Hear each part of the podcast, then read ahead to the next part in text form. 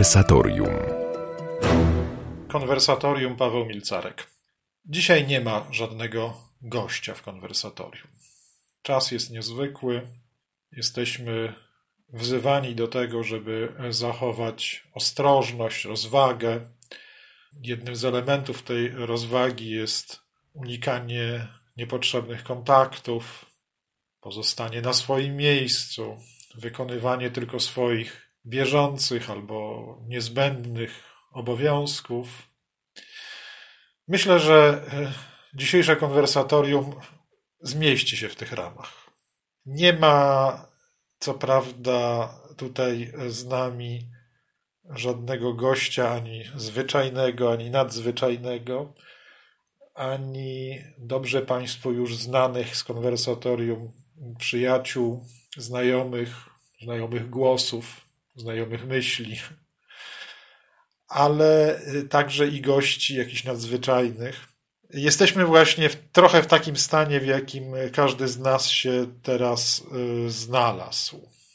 W jakimś rodzaju y, zamknięcia i osamotnienia, choć nie musi to brzmieć tak źle, nie musi to brzmieć tak trudno. To jest jakaś jakaś próba, jakiś moment, którego czasami sami szukamy, prawda? Chcemy jakiegoś wyłączenia się, momentu zastanowienia, zwolnienia rytmu życia. I może niektórym w tych dniach e, wymuszonych kwarantan akurat e, taka przygoda się również zdarzy. Gdzieś obok nas a czasami to dotyczy naszych bliskich, a może dotyczy kogoś z nas, kto nas teraz słucha. No, może się zdarzyć coś więcej i, gorszego. No, właśnie przed tym się bronimy, przed tym, żeby nie dotknęła nas e, zaraźliwa choroba, której e, fala lub może nawet fale będą nawiedzały także nasz kraj, naszą okolicę. Przed tym trzeba się zabezpieczyć i Mądry ten, kto nie jest mądry po szkodzie, tylko już w tej chwili. Stąd te wszystkie środki bezpieczeństwa. Ale pomyślmy tylko, tę nową, dziwną, może czasami denerwującą sytuację mm, trzeba przeżywać w, jakby w tych dwóch granicach. Z jednej strony granica dyscypliny, dyscypliny społecznej, ogromnie ważna. My zawsze jesteśmy częścią całości. A więc y, to, co robimy, to, co jakby nam się zdarza, tak, również, to wszystko wynika z tego, że w różne całości społeczne jesteśmy włączeni. Y, nigdy nasze decyzje, nigdy nasze e, jakieś pomysły, plany i tak dalej nie są planami jednostek, nawet gdyby ktoś tak bardzo chciał. Zawsze gdzieś wewnątrz nas jest głos e, jakiejś, jakiejś całości, naszej rodziny, naszego społeczeństwa, naszego narodu, naszej, ja wiem, naszej wspólnoty religijnej, kościoła. To wszystko przecież nie jest tylko na zewnątrz, to wszystko się dzieje też od wewnątrz, kształtuje nasze postanowienia. I w drugą stronę jest też taki moment zobowiązania, prawda? Cały czas czujemy, że musimy być w naszych działaniach odpowiedzialni. I nawet jeśli na przykład ta choroba, koronawirus, który dzisiaj nas atakuje, nie jest groźny dla nas osobiście, bo przecież mnóstwo ludzi przechodzi przezeń z pozoru przynajmniej, no bez e, jakichś powikłań, być może bez jakichś trwałych uszkodzeń. E, na razie wygląda na to, że wielu przechodzi łagodnie, no to nawet jeśli tak jest, to oczywiście no, jesteśmy jakoś odpowiedzialni za to, żeby nie przekazywać tego dalej, tak? Żeby to, co nas uderzy lekko, e, może kogoś obok nas bliskiego uderzyć bardzo mocno, aż nawet śmiertelnie. I trzeba być nie ogniwem w łańcuchu przekazywania tej choroby, tylko właśnie tym miejscem, w którym ta choroba się dalej nie rozwija. Stąd ta konieczność trzymania się gdzieś z dala, czy unikania wielu działań, które zwyczajnie podejmujemy, nawet jeśli to trochę robi wrażenie dla kogoś, no nie wiem, na razie nic się wokół niego nie dzieje. No bardzo dobrze, że się nie dzieje, tak? No, ale wiemy, że są regiony bliskiego nam świata, w których dzieją się już rzeczy okropne. No i nie chcemy tego u nas, tak? W takim rozmiarze nie chcemy tego mieć e, gdzieś na naszych ulicach, gdzieś w naszych miastach, w naszym kraju. Nie chcemy tego mieć w naszej rodzinie. Nie chcemy, żeby to uderzyło także w nasze własne życie. Więc bądźmy solidarni. To jest obowiązek dyscypliny społecznej. No dobrze, ale życie człowieka y, nie ogranicza się do instrukcji BHP. Y, naprawdę jesteśmy powołani do, do czegoś znacznie więcej niż tylko uratować swoje życie, nawet do czegoś więcej niż, niż uratować chwilowo y, życie ludzi obok nas, choć są bardzo ważne rzeczy. No ale idziemy przez życie i coś się w nas kształtuje, z czymś z tego życia odchodzimy, Różnie ludzie to rozumieją, widzą. Bardzo dużo zależy tu od takiego czy innego widzenia spraw religijnego i chcę opowiedzieć e, dzisiaj, jak rzeczy mają się, jeśli patrzy się na nie z perspektywy no, dziejów chrześcijańskiej cywilizacji, czyli naszego świata. Bo można powiedzieć, że to, co dzisiaj przeżywamy, to nie jest sytuacja przecież zupełnie nowa. Ona jest zupełnie nowa dla nas nawet dla pokoleń, które już jest ich bardzo niewielu reprezentantów tego pokolenia, które, do, które dobrze pamiętają II wojnę światową, potężny przełom dziejowy, no to to jest mimo wszystko to, co teraz się dzieje, dopiero to zobaczymy, będzie kolejnym właśnie takim wielkim przełomem, niewątpliwie. Skutki społeczne, ekonomiczne y, tego wstrząsu, tego walca, który przechodzi teraz przez świat, no na pewno na pewno dadzą o sobie znać w przyszłości. Jest e, to zjawisko przynajmniej porównywalne w wymiarze jakimś ludzkim do wiem, wielkiego kryzysu na Wall Street, w, e, wielkiego kryzysu końca lat 20., 30. Wiemy, że to ten kryzys ekonomiczny wtedy wywołał szereg perturbacji, aż do, można włącznie powiedzieć, z kryzysem politycznym, w Niemczech i y, właściwie dobrym klimatem do tego, co doprowadziło do II wojny światowej. Jak to będzie wyglądało w naszym przypadku, gdy kryzys zaczyna się od epidemii, trudno przewidzieć, ale żyjemy w tym, w tym momencie, w tej chwili. Nie jest dla nas jeszcze y, rzeczą pewną, oczywistą, co przed nami. Ważniejsze jest to, jak te godziny, ten czas, te dni wykorzystać, żeby żeby działo się coś istotnego w nas tutaj, w tej chwili. I to nie jest nowe. Ludzie nie pierwszy raz wchodzą w epidemię, nie pierwszy raz wchodzą w sytuację, w której ona jest prawdziwym zagrożeniem dla całych połaci Europy. Nie jest to nowy czas, w którym pojawia się lęk, obawa, zjawiska nawet jakiejś paniki, E, niepotrzebne, jak zawsze, jakieś histerie, albo obojętność. Tak? To wszystko są rzeczy, które już miały miejsce, które zostały też opisane. Co więcej, to są wszystko rzeczy, na które już reagowano, w których byli ludzie, którzy byli mądrzy i, i głupi, którzy byli odważni i tchórzliwi. To są rzeczy, z których możemy korzystać, o których powinniśmy pamiętać. Nie wszystko w tym, co się z nami dzieje dzisiaj, jest wyłącznie nowoczesne.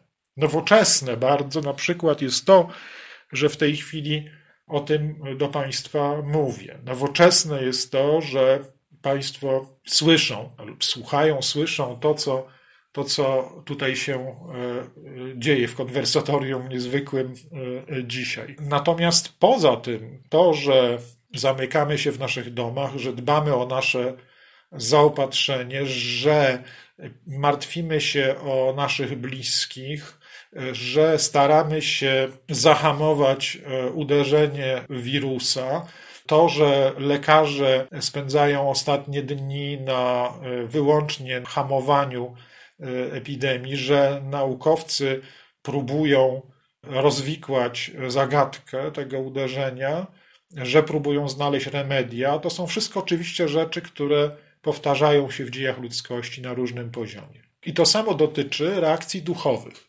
reakcji poważnych, stanięcia oko w oko z zagrożeniem, mm, meditacją mortis, rozważanie swojego życia jako jednak czegoś, co znajdzie swój epilog e, w śmierci, moment pociechy, którą można znaleźć, albo powierzchownej, albo, albo głębszej. To wszystko są rzeczy, które do nas dzisiaj wracają, których nie musimy produkować, jakby były czymś zupełnie od nowa, i spróbujemy sobie o tym w konwersatorium pomyśleć.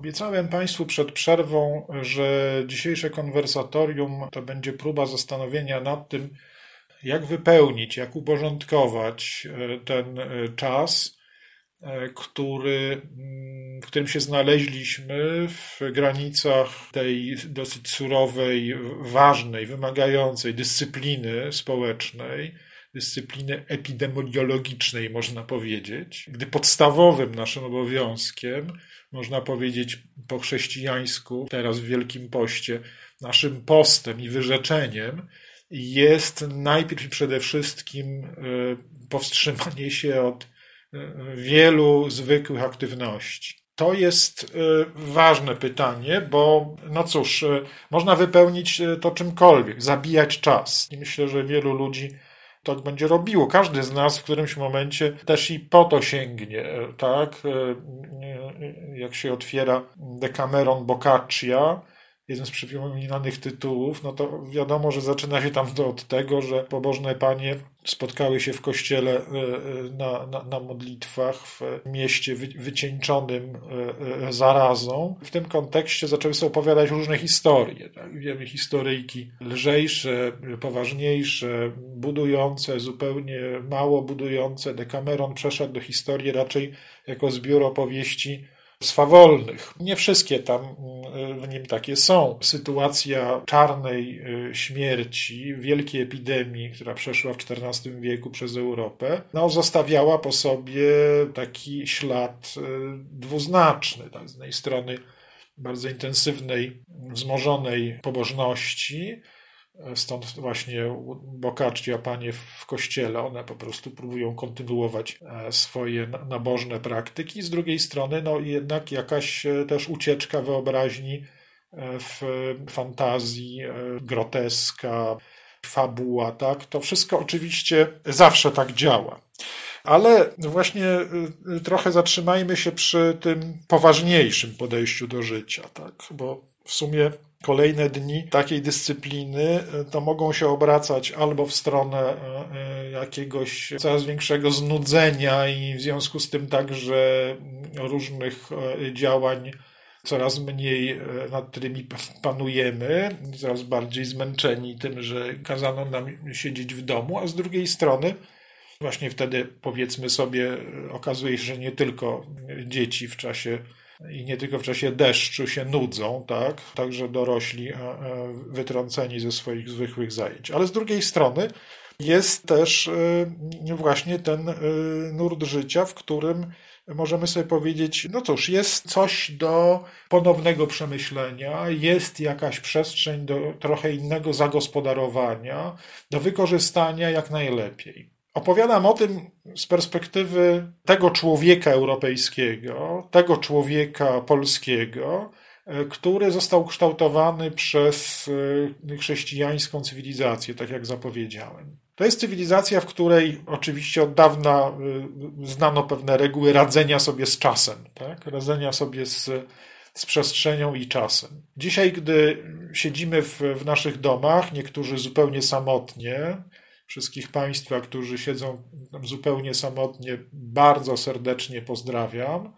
No a niektórzy wręcz odwrotnie, siedzą w domach pełnych ludzi. Nagle okazuje się, wszyscy zjechali się w jedno miejsce, małżonek, dzieci, starsze, młodsze, może czasami też inne pokolenie, dziadkowie nagle okazuje się, że trzeba się razem zmieścić, tak? Tak jakby nie tylko odbywał się zjazd świąteczny tego. I wygląda na to, jakbyśmy, jakbyśmy mieli spędzić nie e, czas zjazdów krótkich zjazdów rodzinnych, świątecznych razem, ale na przykład no, wiele dni, może i tygodnie, i dłużej, już trochę widać, jakby to wyglądało, że i do świąt wielkanocnych ma się rozwijać.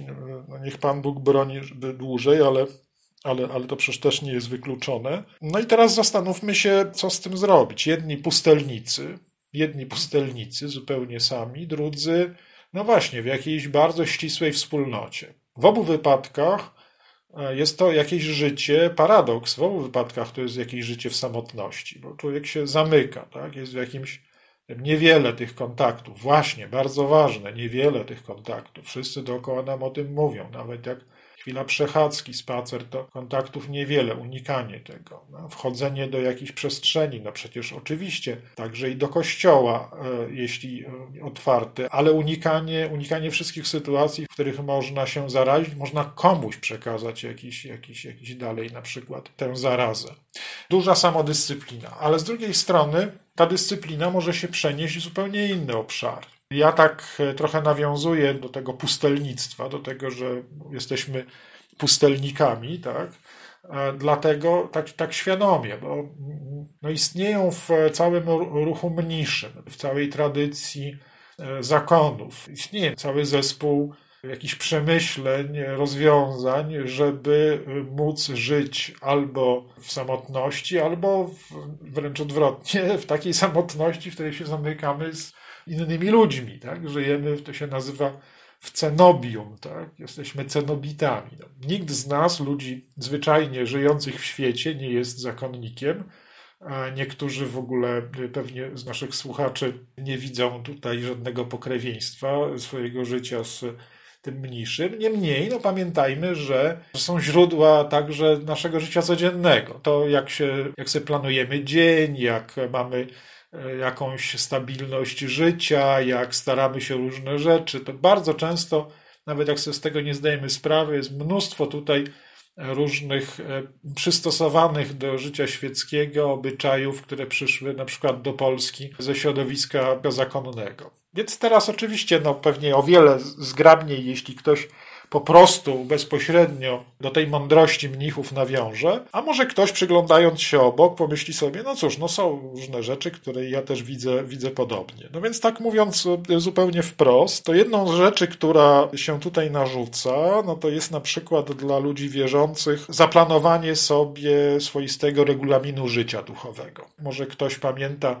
jak w zapiskach więziennych prymas Wyszyński, zaraz jak tylko go osadzono w więzieniu, w tym internowaniu, to zaraz wypisał bardzo wymagający plan e, dnia. Jak dzisiaj go czytamy, to się dziwimy. Takie wczesne wstawanie, tak wypełnione różne zajęcia konkretne, modlitwa, nauka, lektura, e, wszystkie jakieś konkretne dzieła, które trzeba zrobić. I sprawdzanie, i rozliczanie tego ze sobą, a więc rachunek sumienia, a więc pilnowanie dobrego kontaktu z tymi, z którymi się jest razem w jednym losie. Pamiętamy, że prymas Wyszyński tutaj nie mógł liczyć na wielki wybór e, osób, bo miał przy sobie dwie osoby, z których no nie mógł też do końca wiedzieć, e, kim są, chociaż był księdzem, drugi siostrą zakonną. Pamiętamy, że no słusznie jakoś spodziewał się, że, że być może są to osoby dobierane przez UB. No, Dzisiaj oczywiście nie o tym myślimy, nie to jest naszym problemem. Właśnie jesteśmy często z osobami naszymi bliskimi, czasami z tymi, którym łatwiej żyć, z tymi, którym trudniej. Zakonnicy tak samo mają w, w swoich klasztorach, nie wybierają sobie towarzystwa. No i trzeba nauczyć się pewnego regulaminu życia. Znowu, co do czasu yy, jakiegoś wypisanego, pewnie dobrze wspólnego dla, dla mieszkańców, na ile, na ile to możliwe, sam wynalazek naszych wspólnych posiłków to jest wynalazek, można powiedzieć, tyleż naturalny, co, co w znacznym stopniu chrześcijański. Te różne nasze pory jedzenia, sposób i tak dalej, ale ale to wszystko jakby w mniejszym tak, sposobie bycia oczywiście jest osadzone na, na rytmie modlitwy. Tej zupełnie porannej, tej około południowej, tej popołudniowej, tej kończącej zwyczajnie dzień, nie szpory i tej w końcu przed spaniem. Oczywiście każdy z nas sobie tutaj reguluje, układa te modlitwy, nie, nie, nie, w przypadku człowieka świeckiego nie musiały być, nie muszą być takie same, no ale dobra nauka, uporządkować dzień, niech on nie płynie tak jakby dzień i noc, poszczególne części dnia nie miały swoich istotnych życiowych podsumowań. Wielu ludzi dzisiaj sięga po książkę. Ludzie się wymieniają książkami w internecie, jest o tym dużo. No tak, tak, to prawda. To mnisi byli promotorami w naszej kulturze takiego powszechnego, jakby to powiedzieć, czytelnictwa. E, zawsze w Wielkim Poście, to jest tradycja benedyktyńska, na początku Wielkiego Postu, w środę popielcową, rozdawano mnichom w klasztorze książki do czytania. Niezwykłe, prawda? To oczywiście nie chodzi o książki jakiekolwiek, chodziło o książki, które dawały się traktować jako lektura duchowa, lekcjo divina. Znowu jest to jakaś podpowiedź, e, dla wielu ludzi wprost podpowiedź, prawda? Wielu z nas może z niej skorzystać. Więcej kontaktu z tym, co naprawdę warte kontaktu, prawda? Nie z przelotną lekturą, każdą jakąś tam książeczką, którą, która nam podejdzie pod, pod rękę, ale z czymś, na co do tej pory mówiliśmy, że nie mamy czasu. No właśnie teraz jest czas, tak? Jasne, że że teraz jest czas, żeby zetknąć się z klasyką e, e, naszej e, chrześcijańskiej i europejskiej literatury, żeby otworzyć Biblię, żeby zobaczyć, co tam jest w środku, bo często to mijamy jakoś tak, odkładając na, na, na przyszłość. To jest ten czas. Ten właśnie dzisiejszy czas. A dlaczego to jest ten czas? Dlatego, bo z kolei cała tradycja europejska filozofii i cała tradycja duchowa e, chrześcijańska uczy nas, że człowiek powinien być w stanie rozmyślać o tym, do czego idzie. To nie chodzi o dzisiaj nam się kojarzące jakoś, e, nie wiem, na przykład poduro, tak? medytacja śmierci. To, zwłaszcza w sytuacji zagrożenia ludzie mówią sobie, nie, nie, nie, nie, to o tym właśnie nie, nie będziemy myśleć. No, wręcz odwrotnie. Trzeba myśleć tylko nie o tym jako o zniszczeniu, jako o tym, żeby się napawać jakimś e, lękiem, tylko żeby rozumieć, e, że no z tych najróżniejszych rzeczy, które, które robimy, e, część tylko pozostawia w nas ślad na wieczność. Ślad wśród tych, dla których żyjemy tutaj na Ziemi, ale także w co wierzą chrześcijanie, także na wieczność ludzkich przeznaczeń indywidualnych, tak? No, wieczność ży życia wiecznego, zbawienia. Więc są rzeczy, które kierują do szlachetności, do poważnego życia, a są rzeczy, które tym przeszkadzają. To jest ten czas, dobry dzisiaj czas, żeby spojrzeć z góry i z tej właśnie perspektywy poporządkować swoje sprawy ze znajomymi, z przyjaciółmi, no właśnie niekoniecznie e, chodząc do nich, ale na przykład e, odnawiając kontakt, dzwoniąc, coś tam dla nich robiąc, czego do tej pory nie robiliśmy. Oczywiście to jest ta rzecz zupełnie fundamentalna. A teraz dopowiedzmy jeszcze dalej, że również w tej bogatej chrześcijańskiej tradycji jest wątek no, ogromnie ważny, odpowiedzialności i odwagi cywilnej poszczególnych ludzi w e, sytuacji tego zagrożenia. Jakby chrześcijaństwo nas uczy, nie tylko uczy teoretycznie, ale ono przez, przez wieki po prostu dawało również i daje przykłady tej nauki praktyczne że w takiej sytuacji zagrożenia no, ludzie się nie rozglądają tylko na siebie i zupełnie najbliższych. Że myślimy o tych, którzy są w danej sytuacji najbardziej zagrożeni, najbardziej osłabieni, najbardziej zostawieni sobie. I na przykład paradoks naszej y, dzisiejszej sytuacji polega na tym, że y, ta y, niezwykła choroba, ta nowa, mało nam znana choroba, ona atakuje Przede wszystkim ludzi starszych. No starszych, y, tak jak mówimy dzisiaj o starszych ludziach, wyobrażając sobie ludzi naprawdę sędziwych, ale, ale także po prostu ludzi starszych, tak trochę no, na przykład w moim pokoleniu już, prawda, te ponad 50 lat, to już jest wchodzenie w strefę tego zagrożenia. No to to jest oczywiste, tak, oczywista okazja, żeby powiedzieć sobie, to jest czas pamięci o od tych e, starszych i, i słabszych. Tak?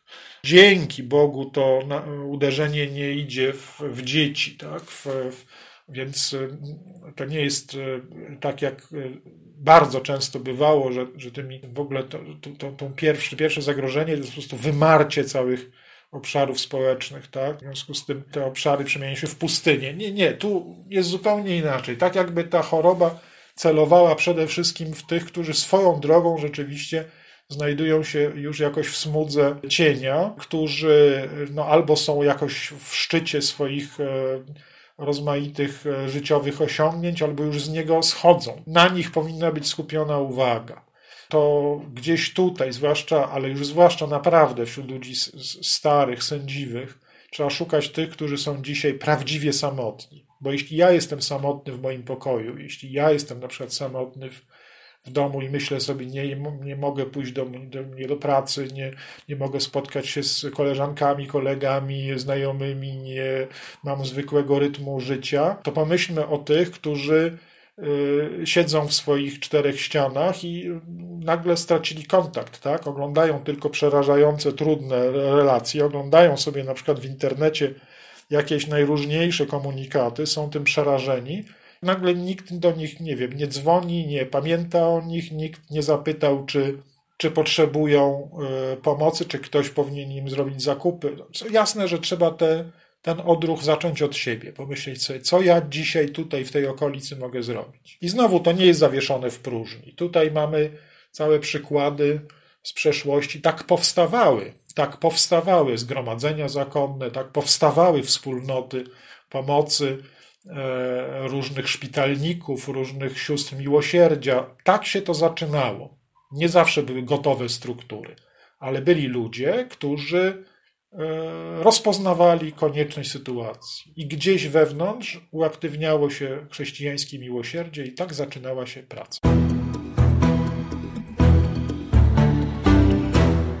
Dzisiaj w konwersatorium myślimy o różnych e, z przeszłości i z teraźniejszości wyzwaniach e, chrześcijańskich w, w czasie epidemii, w czasie zarazy.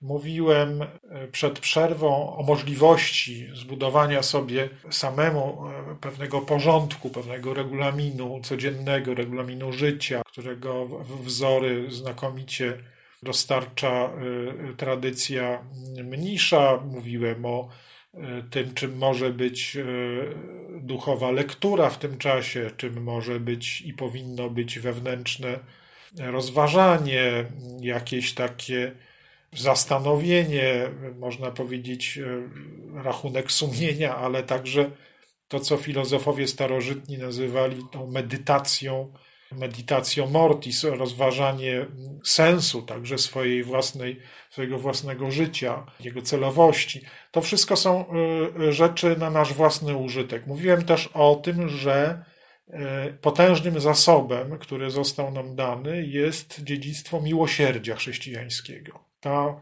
umiejętność przejścia od rozeznania powagi sytuacji do działania odpowiedzialnego i odważnego działania, e, które e, czasami przybiera wymiar społeczny. Mówiłem o tym, że w takich właśnie sytuacjach epidemii w przeszłości powstawały szpitale, różne domy opieki, powstawały wspólnoty, które z powodu e, zagrożenia się formowały. Najpierw nikt nie myślał o założeniu jakiegoś zgromadzenia czy zakonu, ale, ale stopniowo osoby w to zaangażowane łączyły swoje starania i i gdzieś, gdzieś u końca widać było, dlaczego idzie się, przełamując swój, swój niepokój, swój, swój lęk, idzie się do ludzi zagrożonych, do ludzi chorych, że trzeba mieć w sobie ten motyw bardzo mocny, żeby w tym wytrwać. I pewnie dzisiaj, na szlaku tego strasznego doświadczenia, które się przerzuca od Chin do Włoch, potem cała Europa po kolei z nim zapalona, na pewno są na pewno są ludzie. Myślę w tej chwili, że i w nas jest coś takiego, gdy to mówię i gdy Państwo słuchają, że jest coś w nas, co każe nam powiedzieć, muszę zrobić wszystko, co, co mogę w okolicy, co, co, co, co jest jakoś w zakresie moich sił, mojej moich możliwości. No i nie tylko moich możliwości, bo ktoś powie, no tak, to są rzeczy, które przerastają, ale otrzymaliśmy dary, żeby dobrze odczuć, że że miłosierdzie musi być dzielone, musi być udzielane tym, którzy, którzy potrzebują pomocy. Na pewno e, rozmaite inicjatywy już widzimy to także w internecie, powstają, począwszy od prostych gestów solidarności, rozmaitych zbiórek, e, oby tylko nie byli to jacyś naciągacze, musimy być też pod tym względem ostrożni, ale zaczynając więc od, od jakichś społecznych zbiórek, a kończąc na zwyczajnie jakichś pomocy społecznej, pracy, dyscypliny. Nie da się przejść, e, nie powinniśmy przejść obok bardzo ważnego e, tematu, tematu tej istotnej pociechy, którą Kościół zawsze przynosił w czasie tych epidemii. Tutaj panuje szereg nieporozumień. Pierwsze oczywiście takie, że wydaje się, jakby ta posługa chrześcijańska E, zupełnie była odłączona od wiedzy, od wiedzy naukowej, od wiedzy, od wiedzy medycznej, jakby po prostu chrześcijaństwo polegało na takim rodzaju e, obojętności wobec zagrożenia, tak, że takie mamy obrazy w oczach, że są pobożni kapłani, wierni, którzy no, szaleje zaraza, ale oni idą procesjami i e, no cóż, zarażą się, poumierają, ale to jest właśnie ta to bohaterskie wyznanie wiary w Chrystusa. To nie ma co tutaj się jakoś e, rozwodzić nad tym, tylko trzeba po prostu powiedzieć, że oczywiście z jednej strony ta wiedza o tym, e, skąd bierze się dana choroba, zagrożenie, no ona się dopiero rozwijała i gdzieś tam dopiero w kolejnych wiekach zdawano sobie sprawę z tego, jak się należy tych sytuacjach zachowywać. I niewątpliwie Kościół, jako bardzo ważna instytucja, nie, można powiedzieć, no, nigdy nie marginalna w, od, od, od wielu, wielu, wielu wieków w dziejach Europy, zawsze jakoś e, decydująca, bardzo autorytatywna, taka, która wskazywała drogę e, szerzej nawet niż, niż jakiekolwiek instytucje cywilne, że instytucja Kościoła taką wiedzę no, na tyle, na ile ona stała się dostępna, uwzględniała. Tak? Się przegląda kolejne jakieś regulaminy postępowania księży jako szafarzy sakramentów, no to widzimy tę ostrożność tam obecną. Jak niedawno miałem przed oczami takie, takie wskazówki. Y, biskup y, Nowowiejski z Płocka, to są lata XX wieku. No, pamiętamy biskup Nowowiejski, w, w końcu męczennik II wojny światowej, błogosławiony biskup Nowowiejski, no ale wcześniej przed II wojną światową wielka postać e, polskiego episkopatu i w sytuacjach takiego zagrożenia on swojemu duchowieństwu dawał zupełnie konkretne wskazówki, które dzisiaj sobie znakomicie przypominamy. Jak trzeba dbać o jak szafarz sakramentu musi dbać o higienę, jak musi być ostrożny, jak musi zadbać o to, żeby, no, można powiedzieć, być użytecznym jak dla największej ilości osób. Bo kapłan jest użyteczny jako spowiednik i jako ten, który niesie komunię świętą. Warunki czasami, w których działa, zmieniają się e, zasadniczo. Co więcej, musi być w swoim środowisku tym autorytetem, który z jednej strony zachęca do odpowiedzialności, a z drugiej strony jest świadkiem pewnego spokoju, można powiedzieć więcej, świadkiem pokoju, pewnej odpowiedzialnie przeżywanej odwagi. No to on się musi pojawiać, nie może się zamknąć po prostu, zniknąć, prawda? Nie może po prostu na cztery spusty zamknąć wszystkiego dookoła, przestać odprawiać mszę, zniknąć e, i powiedzieć, że pojawi się, jak wszystko wróci do normy, prawda? To jest jednak zawsze w dziejach Kościoła ten korpus osób, mówię o duchowieństwie, także o osobach konsekrowanych, które w takich sytuacjach oczywiście nie powinny być wystawiane na e, linię zniszczenia, tak? ale ale jednak są powołane do tego, żeby, żeby być w pierwszym szeregu możliwej akcji. Właśnie u tych słabych, właśnie u tych sędziwych, właśnie u tych chorych. Z całą możliwą ostrożnością. Prawda? To nie jest wstyd, jeśli z powodu tego zagrożenia e, kapłan zdecyduje się na ograniczenie dostępności do e, takiej czy innej praktyki. E, no ale oczywiście, jeśli kapłan likwiduje jakąś praktykę pobożną w ogóle, albo albo znika, jak powiedziałem, no to byłoby to coś, co nie pozostawiałoby dobrego wspomnienia. Mamy bardzo dużo dobrych wspomnień z tej przeszłości. Nawet z tego czasu, w którym e, święci, księża, e, biskupi już zdawali sobie sprawę z tego niewidzialnego zagrożenia związane z zarazkami, z wirusami. To mimo wszystko można w tym czasie działać. I to jest właśnie ogromnie ważne, żeby wszystkie możliwości, które E, pozostają, żeby zostały wy, wykorzystane.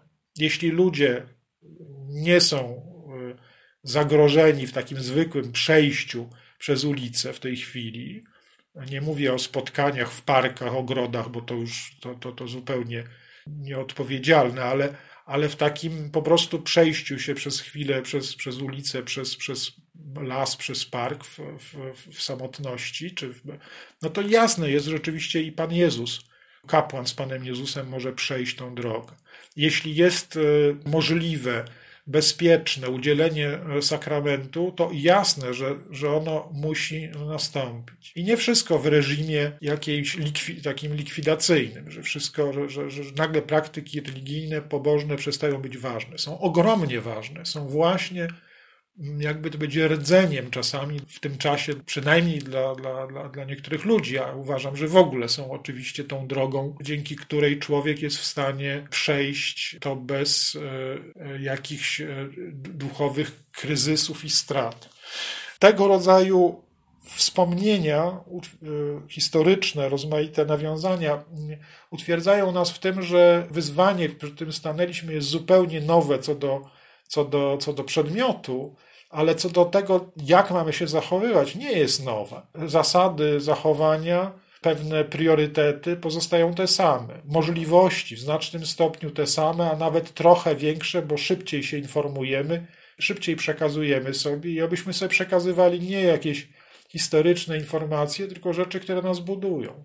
Ja ciągle słyszę teraz, albo widzę, odbieram gdzieś, gdzie ludzie a to informują się o różnych rzeczach, które mają komuś pomóc zrobić, tak, coś, a, albo informują się na przykład o, o modlitwie, albo informują się o jakichś zarządzeniach, które, które, które mówią o bezpieczeństwie e, naszego współżycia, to to są rzeczy, które są bardziej możliwe dzisiaj, prawda? I to z tego niewątpliwie powinniśmy nauczyć się korzystać.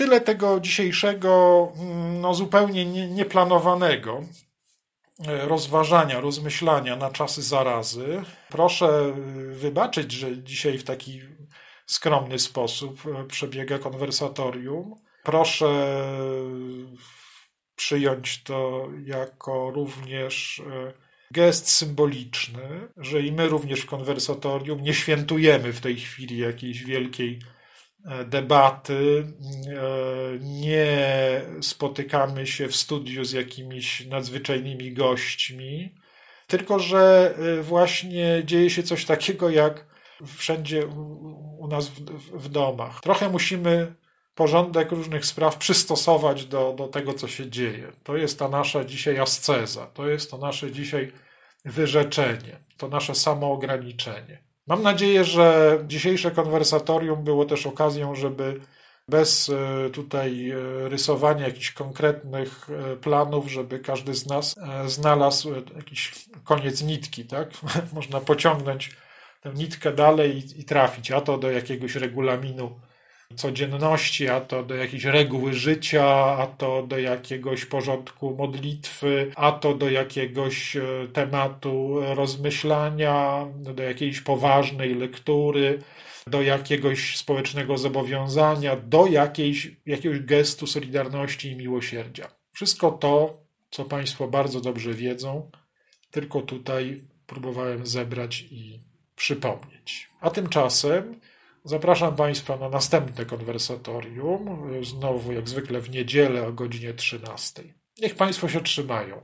Z Bogiem. Do usłyszenia. Paweł Milcarek. Audycja powstaje we współpracy z kwartalnikiem Christianitas.